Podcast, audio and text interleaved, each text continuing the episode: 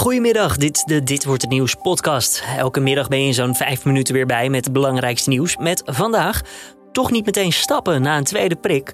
Veroordeling Geert Wilders blijft staan. En het aantal besmettingen verdubbelt ten opzichte van vorige week. Mijn naam is Julian Dom, het is vandaag dinsdag 6 juli en dit is de Nu.nl Dit Wordt Het Nieuws middagpodcast. Iedereen die na een volledige vaccinatie weer lekker het nachtleven in wil, moet daar toch nog even twee weken op wachten. Dat heeft zorgminister Hugo de Jonge gezegd. Tot nu toe mocht iedereen direct na een tweede Pfizer of Moderna of een eerste Janssen-prik weer naar de club toe. Maar daar kwam veel kritiek op. Je bent namelijk nog niet volledig beschermd zodra je twee prikken hebt gehad. Dat duurt dan nog even. Volgens de Jonge gaat de verandering op korte termijn in. Wanneer is echter nog niet duidelijk. Het aantal positieve tests is afgelopen week verdubbeld ten opzichte van de week daarvoor, dat meldt het RIVM. In de afgelopen week werden in totaal 5841 positieve tests geregistreerd door het RIVM. Vorige week lag dat op 4208. Ruim de helft van de positieve tests werd afgenomen bij jongeren en een tiende bij mensen die onlangs een reis hebben gemaakt. De veroordeling van Geert Wilders blijft staan. Gaat allemaal om de minder Marokkanen-uitspraak die hij in 2014 deed.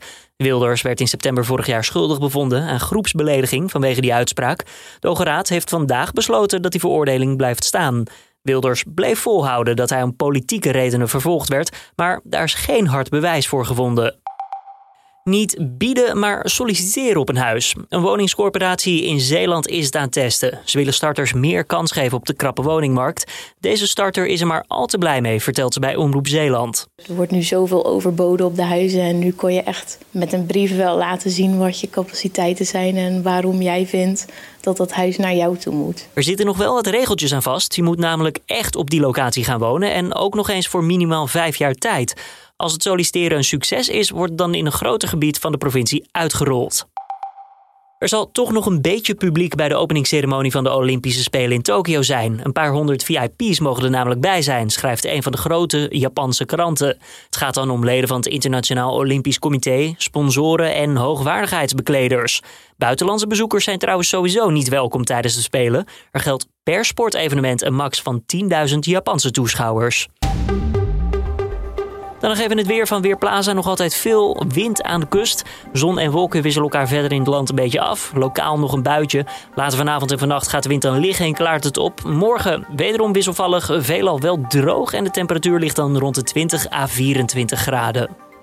Ja, dit is straks verleden tijd. 2 maal 3 is 4. Wie de wie de wie dat 2 is 9. Kreeg de wereld in. Wie de wie de naar mijn eigen zin.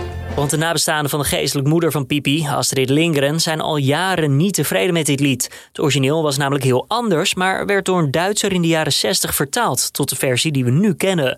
De familie Lindgren spande een proces aan tegen de nabestaanden van de vertolker. En met succes, schrijft het NRC. Het nummer moet aangepast worden. Uitgeverij Rubenstein heeft een Nederlandse versie gemaakt en die klinkt nu zo.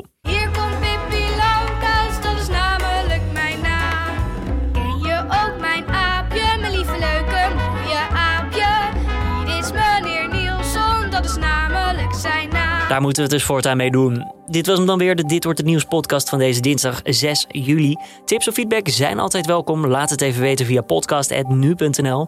Mijn naam is Julian Dom, ik wens je nu een fijne avond en tot morgenochtend weer.